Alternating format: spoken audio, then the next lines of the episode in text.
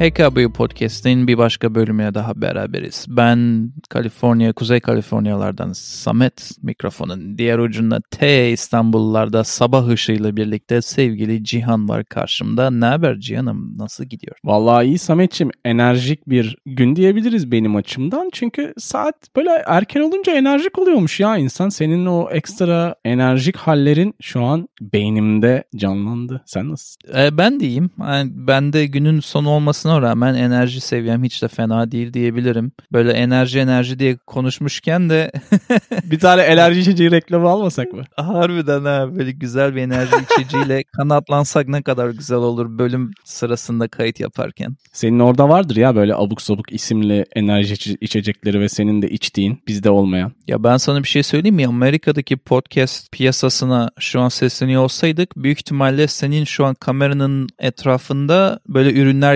yerleştirilmişti ve biz video podcast yaparak paraya para demiyorduk. Adeta Bu görmüş olduğunuz Çok iyi ya. Evet evet öyle. Şimdi sevgili Cihan'ım ve dinleyen bugün birazcık torpil geçiyor gibi hissediyorum kendimi. Çünkü Allah bugün Allah. seçtiğimiz konuyu e, aslında benim eşim Lori seçti diyebilirim. Yani aslında git podcast yap bununla ilgili demedi ama bir gün otururken böyle bir şeye denk geldim. Bu bence sizin ilginizi çekebilir dedi. Neyin nesiymiş o dediğimde de bana dedi ki Radium Girls olayını duydun mu? Radium kızları. Ben de dedim ki böyle bir şey açıkçası duymadım. Neyin nesiymiş şey, o? Peki aklında şöyle bir şey uyandı mı pompon kızlar gibi Radium Girls? Ya ilk ben böyle bir grup zannettim gerçekten. Hani böyle Backstreet Boys tarzında hani Radium Girls diye bir grup mu vardı dağıldı mı bir skandal mı oldu falan. Bir şarkılı bir şey geldi aklıma önce Radium Girls deyince. Böyle bir mutlu bir şeymiş gibi geldi ama işin aslı öyle değilmiş fazla e, evet, zaman dramatik. geçmeden anladık. Dramatik bir şey. Bayağıdır da bu arada şunu da söyleyeceğim sevgili canım. Fark ettin mi bilmiyorum ama bir ara bir moda girip böyle depresif karanlık konulardan çıkamıyorduk. Bir 5-6 bölümlük bir serimiz var galiba öyle. Sonra biraz böyle dengeledik o akışı. Ee, kasetlerde biliyorsunuz bunu daha önce söylemiştik bölümde e, A ve B sayfalarında bir mutlu bir mutsuz, bir mutlu bir mutsuz slow şarkı, hareketli şarkı diye yaparlardı kasetlerde. Evet, bizim evet. bizim bölümler de biraz oraya doğru evrildi. Uzun bir zaman sonra sanırım çok dark bir konuyla sanki karşı karşıyayız gibi geliyor bana. Bilmiyorum sen ne düşünüyorsun? Valla gerçekten öyle. Yavaş yavaş böyle bölüme adım atmaya çalışırken seni destekleyeyim o konuda. Çünkü kaçık bir hikaye. Yani daha insanların ne olduğunu bilmediği şeylerin nasıl sonuçlar yaratabildiği ile ilgili bir bölüm olacak diye düşünüyorum ben. İstersen 20 Nisan 1902'ye doğru yavaşça gidelim. Marie ve Pierre Curie yıllar süren uğraşları sonucunda bir elementi ayrıştırıyorlar ve bu element radyum elementi. Sonrasında da gariptir. O dönemin belki de hani dünyasının getirdiği bir sonuç olarak böyle aşırı pompalanıyor gibi hissettim ben. Hani her şeye radyum evet. koyalım. Hani dünyanın en büyük evet, buluşu evet. gibi bir ortam oluşuyor değil mi Samet? Bir PR, bir PR, bir marketing var orada nedense anlayamadım benim de alakasız böyle tam anlamını oturtamadığım gerçekten de dediğin gibi işte makyajın içine, seramiğin içine ne bileyim takılara, mücevherlere her şeye çikolataya radium, koymuşlar ya. Çikolataya radium koyalım falan. Suya koymuşlar. Yani çok enteresan. Evet, evet bir popülerleşme var ve çok pozitif olarak algılanıyor. Bu arada bunun bir sebebi de olabilir diye düşünüyorum en azından bir sebebi de e, radyasyonun pozitif olarak algılanması. Çünkü o zamanlarda yeni yeni kanserli hücrelerin radyasyon sayesinde yenilebileceği gibi bir varsayım veya bir öngörü vardı veya bir duyum vardı. E, radium da işin Hı-hı. içine girince o da çok güzel, olumlu bir şeymiş gibi algılandı belki de aynı zamanda olduğu için. Ama kanserli hücreleri bile radyasyonla tedavi ederken o zamanlarda aslında radyasyonun ne kadar diğer organlara zarar verdiğini de bilmiyordu insanlar. Hani çok kontrollü evet, bir tedaviden evet. bahsetmiyoruz. Ya zaten şöyle bir durum var. Yani koymadıkları yer yok radyum elementini. Hani cilt bakım ürününden diş macununa şeklinde hani biraz önce de söylediğimiz gibi çikolata, su çok abuk yani. Hani sanki şey bulmuşlar gibi. Hani uzun yaşamanın sırrını bulmuşlar hı hı. Ve otoboka sürüyorlar gibi bir dönemmiş o 1900'lü yılların başları. Evet evet ama bence bunun bir sebebi de böyle bir yere evrilmesinin bir sebebi de karanlıkta yeşil bir ışık dalgası saçması. Çünkü Evet. bu biraz daha cahil olan kesimde özellikle halk arasında bunun sihirli bir iyileştirme yeteneği olan böyle bir inanç sistemi oluşturdu. Hani böyle bir e, nasıl diyeyim sana doğaüstü bir yaklaşım da vardı Radium'a. Çünkü yeşil biliyorsun karanlığın içinde yeşil bir şey parlayınca böyle baya bir mistik duruyor insanların gözünde. O zamanlarda özellikle 1900'ün başlarında dediğin gibi. Bir de bu Radium'u her formda her şekilde sürmüşler piyasaya. Hani sadece senin dediğin gibi otoboka koymamışlar. Sirup şeklinde salmışlar piyasaya, krem şeklinde salmışlar. Dediğin gibi suya katmışlar. Yani baya baya insanların gündelik böyle hayatında kolayca erişebileceği bir şey. Hatta Kaliforniya'da radium saunaları falan açılmış insanların gidip böyle radiumlu havuzlarda oturabileceği. Ama bu Saçmalık ya. ama bunu niye radium ya da radyum kızları diye e, İşte ben bahsettim geliyoruz. başında. Evet çünkü hani bu olay böyle şaşalı bir şekilde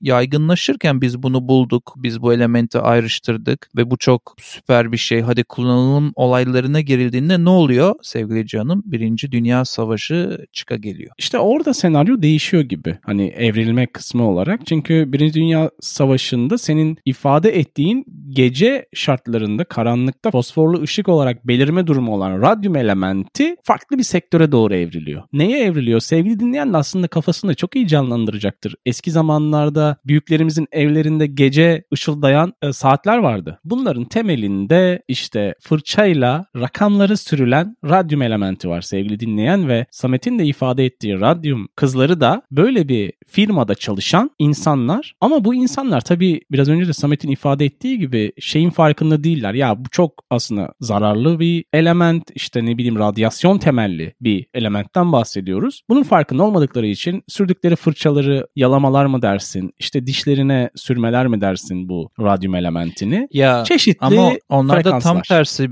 ama onlar da tam tersi bir itibar uyandırıyor. Yani şöyle söyleyeyim onlar daha da çok bu işi istiyorlar. Olumlu bir şey Evet, olduğunu düşündükleri evet. için. Bırak zararı hani seçilmişim ben çok önemli bir işe alındım şeklinde görüyor insanlar. Özellikle bayanlar. Çünkü fabrikada Evet. onları çalıştırıyorlar özellikle. Ama şu Birinci Dünya Savaşı olayını şöyle de kapatalım. Orada yarım kalmasın. Niye bu kadar önemli Birinci Dünya Savaşı? Askerlerin kollarındaki saatlere, e, kol saatlerinde kullanılmış askerlerin karanlıkta ağır bataryeli ışıklar taşımaları yerine bunları kullanması için kullanılmış. Hı hı. E buna talep artınca United States Radium Corporation dediğimiz senin az önce bahsettiğin şirket e, talep artınca zaten bu radiumla ilgili bir sürü ürün yaparken diyor ki ben bunun boya fabrikasını Orange, New Jersey'de açacağım. Orada bu işte 1915-1917'lerde oluyor bu. Orada ben bu Evet. fabrikayı açacağım. Buna da çalışanlarımı dolduracağım. Onlara iyi maaş vereceğim. iyi çalışma şartları vereceğim. Saygılı bir iş olduğu için zaten yetenek de gerektirdiği için önemli Hı hı. bir iş olduğu için spesifik insanları seçeceğim, çalıştıracağım diyorlar ve halk arasında da radium iyileştirici bir özelliği olduğu düşünen bir şey olduğu için de insanlar için tercih sebebiymiş buraya başvurmak. Ne oluyor? Başvuruyorlar. Orada çalışmaya başladıklarında bu bayanlara verilen bazı talimatlardan biri o ince incecik fırçayı o saate sürerken rakamlara göstergeleri sürerken bunu sık sık yalayın ve bu fırçanın ucunu ince tutmaya özen gösterin diyorlar. Böyle bir talimat veriliyor bu e,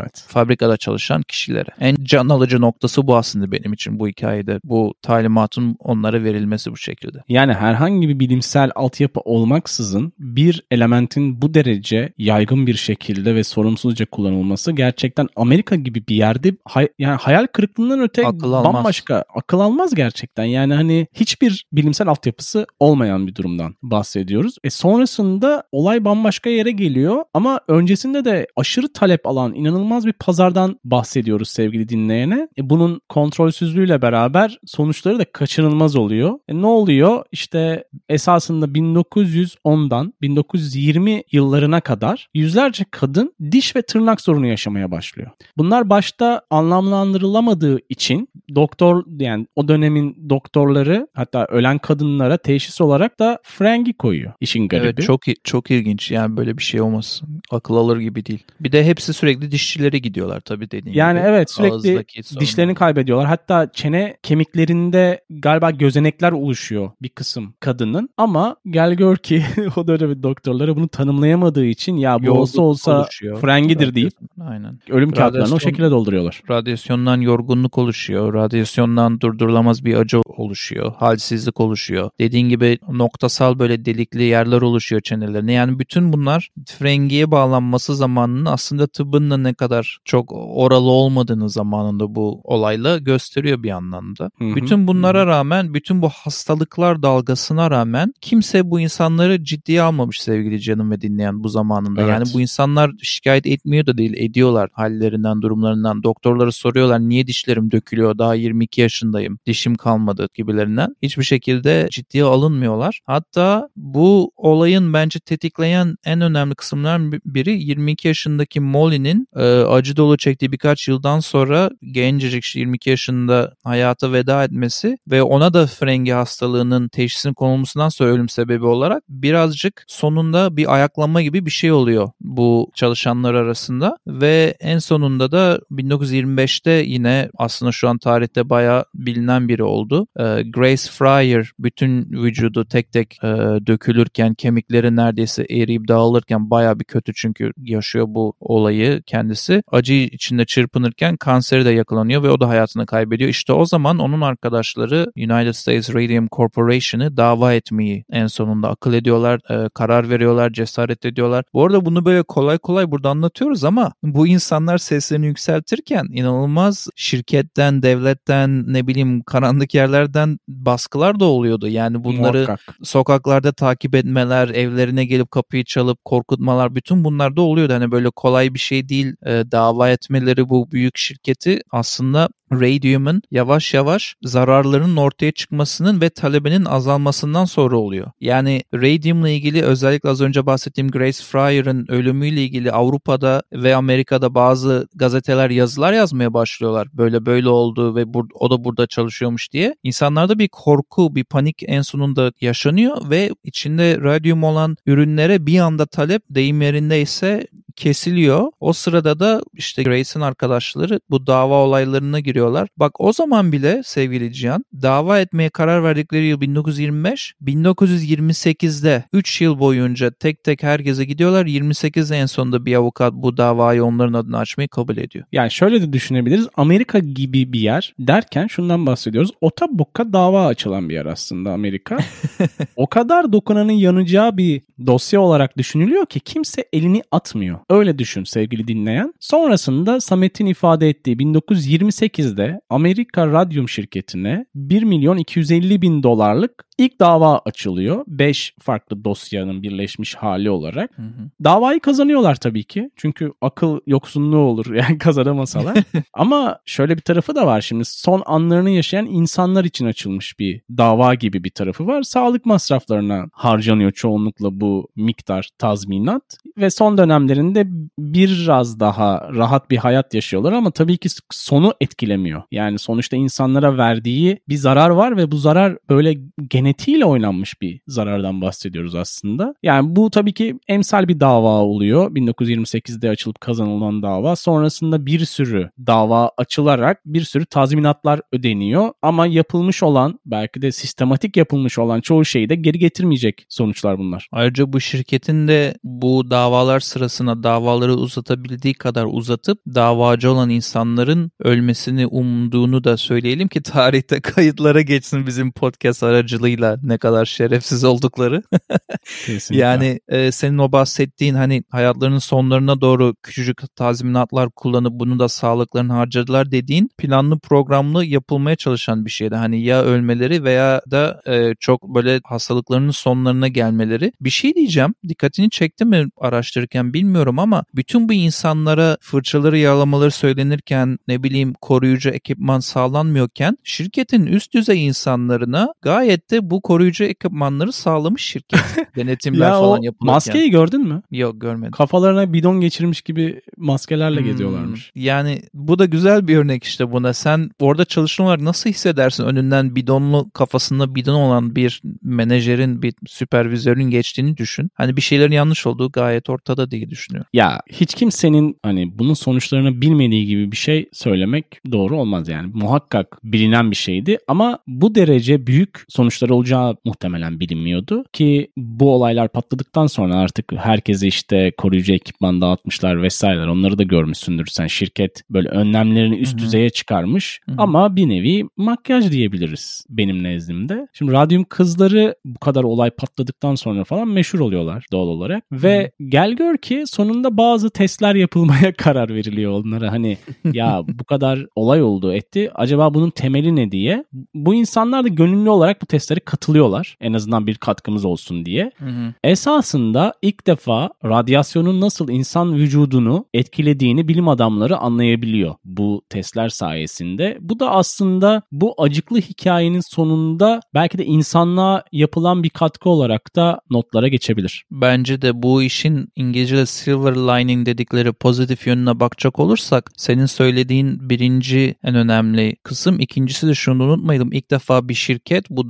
davalardan sonra çalışanları hakkında sorumlu tutulmuş oluyor onları koruyucu bir şey vermekle ilgili. Bu da günümüze kadar gelen günümüzde bile hatta şu anda mevcut olan aşırı sıkı e, çalışanını koru mantıklı yasaların aslında oluşmasında bir ön ayak oluyor. Maalesef çok hayat kaybedilse de ileriye dönük bayağı önemli bir şey başarılmış oluyor aslında bu feda edilen hayatlarla birlikte. Şimdi orada o radyumun kullanılma şekli çok gerçekten talihsiz. Bölüm içinde dark bir bölüm olacağını söylemiştik. Ama e, radyumun günümüzde hala şu anda kullanıldığını da söyleyelim. Yani özellikle radyoterapi ken- kanser amaçlandığında Hı hı. hala radyum kloritin içinden radyon gazlarının çıkarılıp üretilip kanser tedavisi için kullanıldığını söyleyelim günümüzde. Tabii ki de çok daha fazla kontrollü ve ekipmanlı ortamda olduğu için bu bölümde bahsettiğimiz gibi bir tehlike arz etmiyor bunu kullanmak. Ya tedavi amaçlı olarak kullanıldığından bahsediyorsun sen sonrasındaki Aynen. belki kemoterapi, radyoterapi aşamalarında. Ya insanlık için eğer bilerek bir şeyleri doğru yapmaya çalışıyorsan bir sorun yok. Zaten biz bu bölümü yaparken radyuma karşı bir bölüm yapmıyoruz sevgili dinleyen. Eğer bizi dinleyen atom mühendisleri varsa ya da nükleer fizikçiler vesaire onları karşımıza almak istemeyiz. Ya ben sana bitirirken kendimden örnek vermek istiyorum. Çünkü sen zaten biliyorsun da dinleyene örnek vermek istiyorum. Ben hemen hemen her iki haftada bir zaten radyasyonun farklı bir izotopunu e, 1-3-1 diye geçen izotopunu bildiğin canlı kedilere doktorla beraber veren biriyim. Ve onların tiroid bezi hastalığını da bildiğin hastalıklı evreden bir ay içinde tamamen hiç hastalanmamış gibi tamamen tedavi edilmiş haline çeviren bir tedavinin başındayım. Dolayısıyla biz tabii ki de radyo karşıtı bir bölüm yapmıyoruz. Çünkü ben kendim zaten ona benzer bir şey yapıyorum iş yerinde geçimimi sağlamak için ve bu hayvanlara yardım etmek için. Dolayısıyla doğru kullanıldığında bence bütün elementlerin bir şekilde bir yararı vardır. Bu arada çalışırken de birilerine eğittiğimde bunu da söylüyorum. Radyasyon herhangi bir tehlikeli madde olsun ama özellikle radyasyon işin içine girdiğinde hiçbir zaman yeterince dikkatli değilsindir. Her zaman dikkatinin fazla dikkatli olmak, ekstra dikkatli olmanın hiçbir zararı yok diye düşünüyorum ben. Burada bunun tam tersi olmuş. Ee, sonrasında ama çok dikkatli olunması için bence birazcık ön ayak olmuş bir hikaye diye düşünüyorum anlattığımız hikaye bu Radium Girls'lerle ilgili.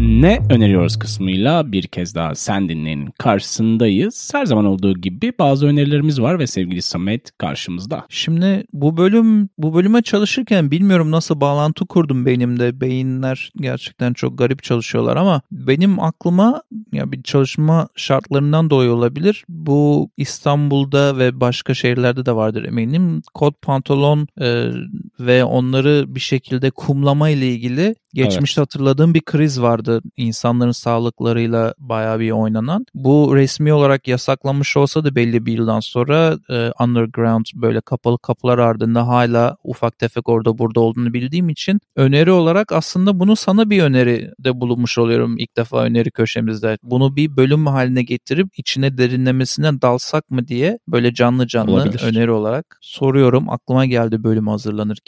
Bölümden alakasız olarak ise Netflix'te son zamanlarda izlediğim hazır dark bir konu anlatırken dark'ta bir öneri vereyim. Conversations with a Killer The John Wayne Gacy Tapes diye bir e, belgesel izliyordum. Bu da Amerika biliyorsun seri katilleriyle ünlü olduğu için onların arasından seç beğen şeklinde başka bir psycho insanın e, kendi sesinden kasete aldığı hapishanede itiraflarını ve hayatını anlatan bir belgesel.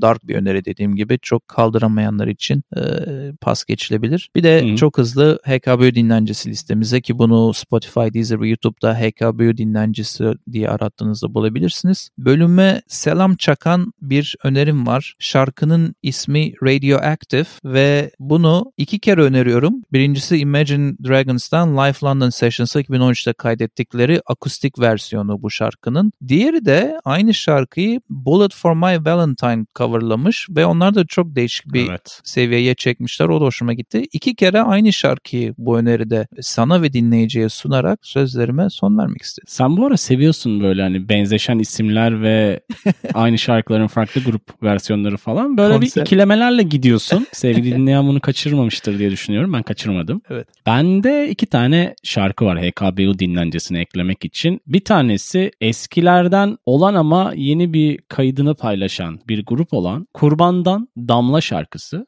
Dinledim. Diğeri ben. ise Al Farben ve Graham Candy'den She Moves. Bunlar dediğim gibi HKBU dinlencesinde olacak. Spotify, Deezer ve YouTube'da. Ayrıca hkbupodcast.com üzerinden de bize ulaşabiliyorsun sevgili dinleyen bildiğin üzere. Ayrıca sosyal mecralarda parantez içi TikTok hariç olmak üzere bulunuyoruz aktif bir şekilde.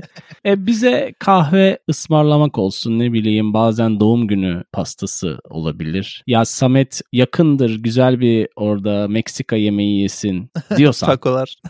takolarca yalnızlık. Patreon'da da varız sevgili dinleyen bize şakayla karışık olsa da önerilerinizi iletebilirsiniz Patreon üzerinden. E, önceki sonraki beriki geriki bazı bölümlerde görüşmek üzere diyeceğiz ve yolculuğa bizimle devam ettiğin için teşekkür edeceğiz sana kocaman kocaman. Hoşçakalın tekrar görüşmek üzere. Hoşçakalın.